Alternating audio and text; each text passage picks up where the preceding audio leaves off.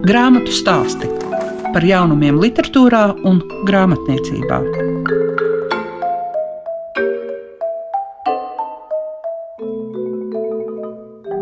Savu skanējumu sāk grāmatu stāstī. Šodien vispirms jūs varēsiet dzirdēt Lauru Vinogrādovu. Viņai iznācis jauns garstāsts ar nosaukumu Vārnes, un vēl par dzīslu detektīvu, kas ir krimināla spēle prozā un dzējā. Šīs dienas grāmatas stāstos mēs pievēršamies Lauras Vinogradovas vārnas darbam. Un, Laura, es gribu vispirms pajautāt, pie kāda žanra tu to pieskaiti? Tas ir ne gluži romāns, ne gluži stāsts. Man liekas, ka vārnas ir vispār ļoti grūti definējams un kaut kādos plauktos liekams, bet man patīk palikt pie garstāsta. Līdzīgi kā upē, tātad tas ir mans uh, izmērs, mani apjomi garstāsts vārnas. Tas ir darbs, kur tu esi nodarbojusies ar pētniecību ne tikai saistībā ar romiem, respektīvi čigāniem. Tas ir arī pētījums par to, kādi ir mūsu stereotipi kā tautai. Tas ir arī pētījums par sāpēm, kurā brīdī un vai vispār mēs tās aizmirstam. Šeit sanāca jā, daudz par ko interesēties, daudz lasīt, daudz satikties ar cilvēkiem. Ja Romu sakarā, tad es nesen domāju, ka es būtu gribējis droši vien vairāk zinātu, vēl vairāk satikt, bet nu, kaut kad jau ir jāapstājas. Tā bija kā jā, jauna pasaule, kā m, pilnīgi no citas skatu punkta paskatīties uz Latviju, uz cilvēkiem šeit, uz tiem pašiem romiem, saprast, kas ar viņiem ir noticis pēdējo gadu laikā, saprast, cik ļoti viņi ir palikuši mazi, saprast, ka tas, kas mums ir kā vērtība, palikt tuvu savai nacionālajai identitātei, ko mēs tik ļoti sargājam, saprast, ka viņiem tas zūd, viņiem tas gaist, viņi paši zaudē. Es teiktu, tas pat varbūt nav aiz tādas mūsu vēlmes milzīgi viņus integrēt, bet tā kļūšana par pasaules pilsoņiem, kas viņiem savā ziņā ir bijusi visu laiku, bet mums tas ir tāds moderns trends, diemžēl tas nozīmē šīs nacionālās identitātes zaudēšanu. Un, kas man viņu sakarā likās jā, ļoti skumji, saprotot, ka visi tie stereotipi un viņi preca šādi, viņi to dara tā un tā. Es arī esmu augus līdzās šai tautai, līdzās visiem stereotipiem un pēkšņi saprotot, ka tas viņi dara tā, ir nu, novecojis pa gadiem 20, 30, ka viņi vairs tā sen nedara. Tieši tāpēc, ka viņi vairs nedzīvo milzīgās kopienās, ir izbraukuši viens Anglijā, viens Īrijā. Tā visa vairs nav. Viņi vairs nedzīvo mežos, meži ir privatizēti. Mēlenes tagad jau kādam pieder. Tas ir ļoti mainījies, un arī man tas bija milzīgs darbs ar, ar stereotipiem kā tādiem, cik dzīvi viņi ir manī, ne tikai pret uh, Romu tautu. Nu, mēs esam stereotipi pilni. Es arī tas ļoti interesanti bija pētniecības nolūkos, jā, vispār kā skatīties uz dzīvi, mēģinot tā tīrāk, ņemot nos kaut kādus šos uzskatus. Izlasot vārnas, man palika tādā ziņā bailīgi, ka šī bērnu nama līnija pierādīja, ka mēs nespējam, ja mūsos nav tas kā gēns, dzīvot ģimeniskā sajūtā. Tā ir tā sajūta, ar kuru es arī dzīvoju, jo es apzinos, ka arī es to nespēju. Mūsos jā, nav šis ģimeniskums, vai viņš nekad nav bijis, vai viņš ir tiešām pazudis padomu laikos, iznīcināts. Es nezinu, bet mēs nespējam parūpēties par saviem bērniem, jo tie ir mūsu bērni. Mums kaimiņa bērni nebūs mūsu bērni, pat attālu radinieka bērni nebūs mūsu bērni, tie nebūs mūsu cilvēki. Šajā sakarā, jā, pētot bērnu namus un šo situāciju Latvijā, es jau apzinājos savu nespēju. Ir tāda programma mentori, Un tajā tieši pieauguši cilvēki tiek aicināti būt par draugiem šiem bērnam, bērniem. Nu, piemēram, ne visi mēs varam adoptēt, ne visi mēs varam uzņemt augu ģimenē. Tas tomēr ir milzīgs resurss. Tad nu, man liekas, šis tāds mazumiņš, ko mēs varbūt varētu. Un es mēģināju, un es sapratu, ka man pat tam pietrūks spēka. Vai mēs paši esam ļoti ievainoti, paši ļoti nepieauguši un nespējam dot tās mājas, mēs paši viņas neesam atraduši šo savu ģimeniskumu izjūtu. Jo man ir tie skaitļi par to, cik šādu bērnu, kas dzīvo bērnu namos, vispār bērnu nam, cik daudz ir šie bērnam, kurus tagad vairs nesauc bērnam, un šādi mēs glītāk izskatāmies pasaules fonā. Mani šokēja, jā, man tiešām šokēja, jo principā grāmatas šī bērnam te tēma mani jau dzīvo stipri sen. Netīšām aizbraucot uz bērnu dārzu, kurš izrādījās diennakts bērnu dārzs, kurā bērni paliek uz nedēļu. Un es atceros, ka toreiz jau bija tāda stipra pārdomās par to, kāpēc vēl joprojām ir šādi. Nav nekā kara apstākļi, nekas, tad kur ir viņu vecāki, kāpēc vecāki nespēja par viņiem rūpēties, vai tiešām mēs dzīvojam tik tālu. Un tā es jau lēnām nonācu līdz šiem bērnam, bērniem, un atkal man bija šie jautājumi. Kur ir viņu vecāki, kur ir vecāku vecāki, kur ir vecāku brāļu māsas, vai kā bērns var piedzimt viens pats, bez savas cilts, bez dzimtas. Un, tās ir lietas, kas man sāp. Vārnās varbūt ir maz manis kā tēla, tur neviens no tēliem neesmu es. Bet vārnas ir grāmatā par to, kas man satrauc. Nu, Cāziņā tas ir par mani. Tas ir tas, par ko es domāju, kas man sāp pasaulē. Jā. Grāmatā tu uzdod ļoti daudz jautājumus. To uzdod pirmajā personā divas varones, kuras meklē šīs atbildes. Vai tu, uzdodot šos jautājumus, radi arī atbildes, vai tev bija svarīgi noformulēt jautājumu? Man bija svarīgi atbildēt pašai sev. Jautājums es atstāju kā jautājums grāmatā, tādējādi varbūt aicinot aizdomāties par šo tēmu, jo tās atbildes, kas nonāks pie lasītāja, būs viņa atbildes. Man ir savas, un man šī jautājuma uzdošana palīdz un ir palīdzējusi patiešām labāk pieņemt um, šo neperfektumu mūsos, apzināties, ka mūsos ir labais un ļaunais, ir spēks un ir nespēks, un ka tādēļ mēs neesam slikti vai nu, tā vienkārši ir. Dabā ir uh, ļaunais un ir labais, un lai kā man patiktu vilki, viņi apēd stirnas, kas man arī bezgalīgi patīk, un tieši tāpat ir mūsos. Šī jautājuma uzdošana jā, man ir palīdzējusi pieņemt mūsu iedabu kā tādu, apzināties ļaunumu, es to saucu par ļaunumu, var kaut kā maigāk apzināties vājo manī un apzināties stipro. Tas vienkārši mūsos ir.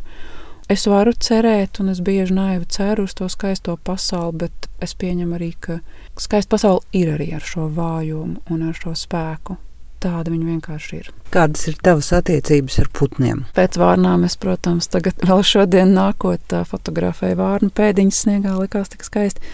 Nu, es esmu vārnus ļoti iemīlējis. Man vispār viņas kā putns fascinē. Tieši tas izdzīvotāja gēns viņā, jo es mazliet arī sevi pieskaitu pie izdzīvotājiem, kas jā, varbūt reizēm ir nežēlīgs. Jā, neglīts, viņas ir atkrituma karalienes, viņas plēš mazākus putnus, jā, kaķus droši vien vēl nezinu ko, bet viņas ir izdzīvotājs. Viņas ļoti dzīvo barā, rūpējas viena par otru, par bērniem rūpējas saviem.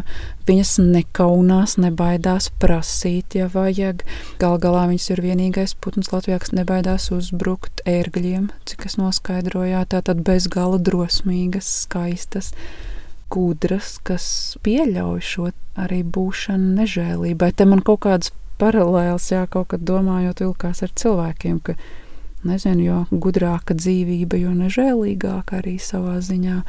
Nu, tad vārdi ir arī mans filozofiskās pārdomas, bet, ja par putniem kopumā, tad es laikam vairāk kā zīdītāju mīļotāju. Man dzīvnieki patīk laikam vairāk kā putni, bet kas to zina, kas to zina, varbūt tagad jāsākšu vērot.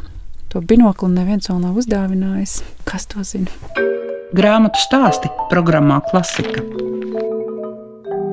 Vajag taču izdomāt dzīvē dzīslu detektīvu, un izskatās, ka Sandra Ratniece vislabāk varēs izstāstīt gan par dzīslu detektīvu, gan par to, kas tad ir šī tekstūra grupa, kas ir novedusi līdz galam un izdevusi grāmatā dzīslu detektīvu. Varbūt tad es sākšu ar to, kas ir tekstūra.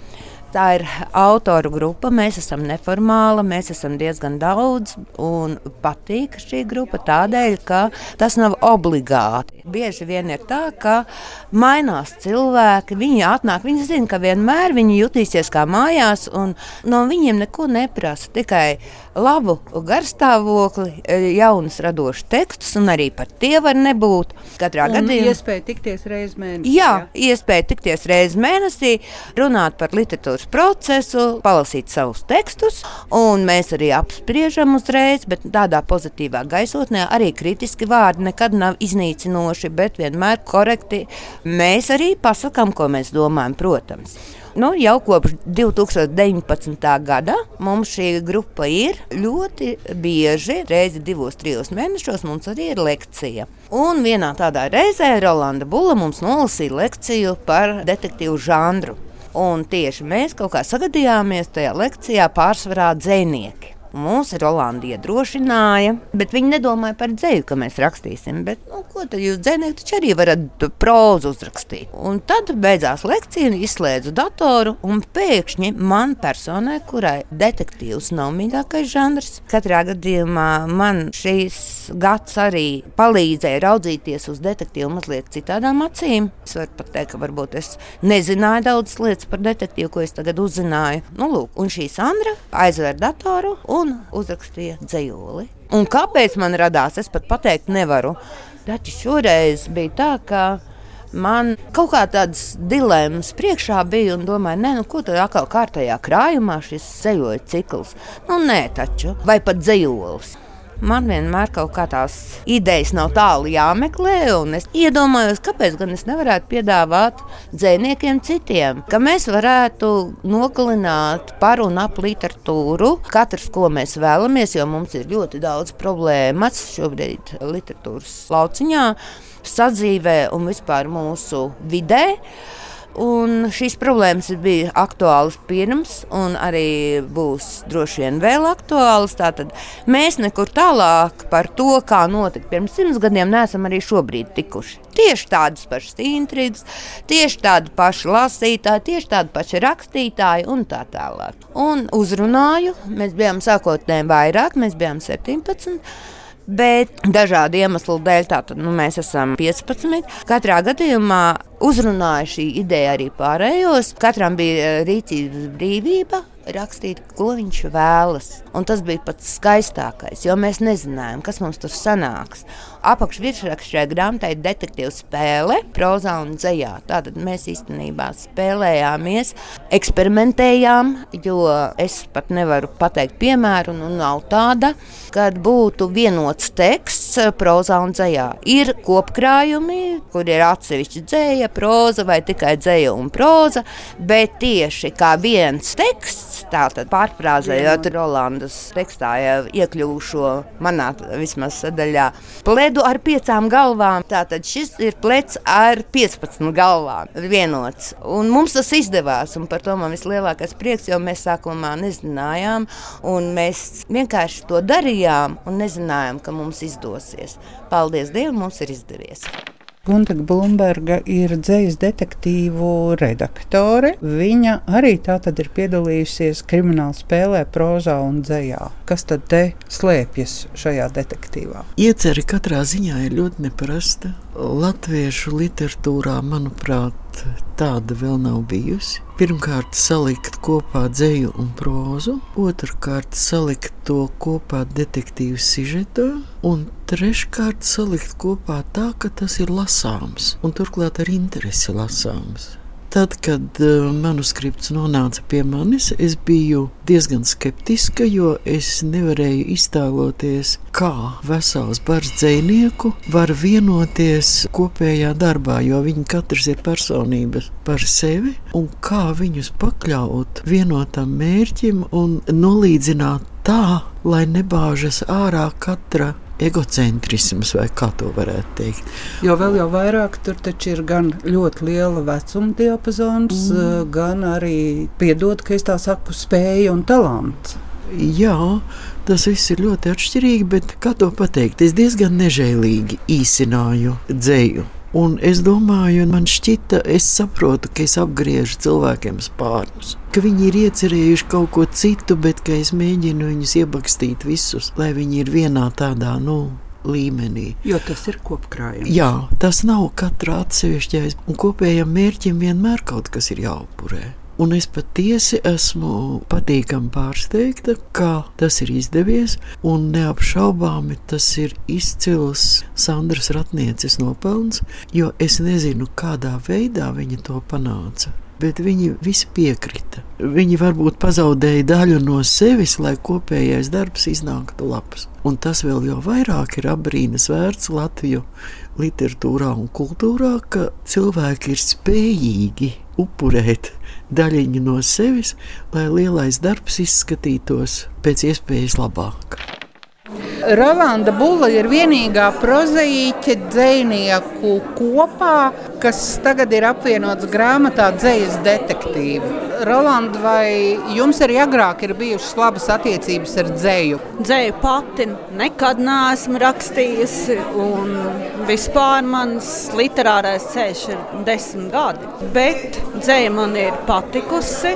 Liela fana nekad neesmu bijusi, bet vienmēr esmu lasījusi. Man ir mani mīļākie dzēnieki, un man tas interesē. Vai jūs to uzskatāt par avantūru vai par ko, ka jūs iesaistījāties šajā projektā, lai taptu dzīslas detektīvs? Nu, mazliet tā bija tāda viegla prātība, bet patiesībā es ticēju, ka to var. Pieļāvu, ka tur viss var izjukt un līdz galam netikt. Bet pašā idejai, jā, es noticēju, ka tas var būt, ka to var izdarīt. Katrā ziņā tas bija ļoti interesants process. Es to nenožēloju, tas bija, jā, tas bija ļoti interesants eksperiments. Vai daudz nācās ziedot uz kopējās idejas fona? Man bija šie tāli, kurus es arī ļoti veiksmīgi izvēlējos, un ar tiem arī veidoju šo sižetu. Es negribētu teikt, ka es būtu kaut ko ļoti ziedojusi, ka es kā prozaiķis varētu vēl to un to, bet nedrīkst sabiezināt tekstu ar pārāk daudz varoņu klātbūtni vai arī es varētu likt saviem varoņiem darīt vēl kaut ko, bet nu, es to nevaru. Man ir jāievēro vēl, kad ir jāizsēj citi dzīslas teksti un jāsasaista. Nē, tad, kad tika atrasta tā ideja, kā es sasaistīšu, patiesībā bija tas kamola gals rokās. Un tad arī viss tā aizritēja. Un uh, sākums, kamēr meklē un, un domā, kā Bet tad, kad bija šis pavadījuma gals, tad uh, es teikšu, jā, kad es rakstīju, un es rakstīju ar iedvesmu, ar atraduma prieku, ar atklājēju prieku. Vai tas nozīmē, ka varētu žanrā detektīvs parādīties arī kādas jaunas formas tagad pēc šī eksperimenta? Īsā atbilde šķiet, ka nē, ir kanoni un kā tad detektīva romāns ir. Bet, ja tā padomā, šis pat uh, zvejas detektīvu kopkrājums jau arī pierāda to, ka būtībā nu, šis ir unikāls projekts, kad ir iespējams neticamas lietas. Un arī detektīvs dzējā, jā, to var uzrakstīt arī, arī kā poēmu. Un, manuprāt, jā, viss ir iespējams. Varbūt arī. Ko jūs šobrīd pati rakstāt nu, savā žanrā ietvaros? Jā, es esmu uzrakstījis jaunu detektīvu romānu, kurš jau ir izdevniecībā, un izdevniecība jau ir jau iepazinusies. Es ceru, es ceru, ka būs tā, kā izdevniecība man ir jau teikusi, ka vasarā varētu būt jauns detektīvu romāns, bet es arī esmu mainījusi šo te, man bija pirms tam detektīvu romānu sērija, un arī es esmu mainījusi stilu. Tas būs cits, jauns, varbūt jaunas sērijas pamatakmens, bet katrā ziņā cits detektīvs nebūs. Un tēma? Tam tēma būs, jā, man katrā detektīvā, ko es esmu rakstījusi, man ir tā virstēma. Par ko es esmu domājusi, un kāpēc vispār ir tapis šis detektīvs, kas ir bijusi tā, nu, kā detektīvā, tā ir sāpe, par ko es esmu domājusi. Un tēma ir um, aizbildnības auga ģimenes par to, kā ir auga ģimenēs, bet tas ir detektīvs. Es atkal esmu meklējusi. Arī šos te, nu, kas ir kriminālistikas fons, kā tas notiek, lai kaut ko jaunu sameklētu, lai lasītājiem būtu interesanti, um, lai nebūtu arī nu, tēma ļoti smaga bet es to centos uzrakstīt, lai arī nebūtu šī ļoti smagā pēcgarša.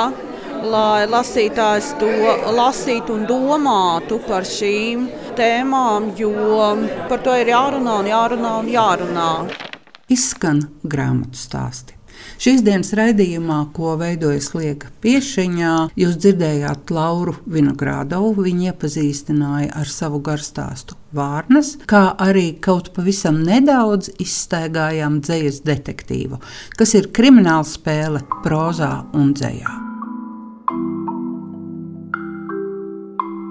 Grāmatu stāsti par jaunumiem literatūrā un grāmatniecībā ik trešdien, 9.5. ar atkārtojumu Svētdien, 18.15.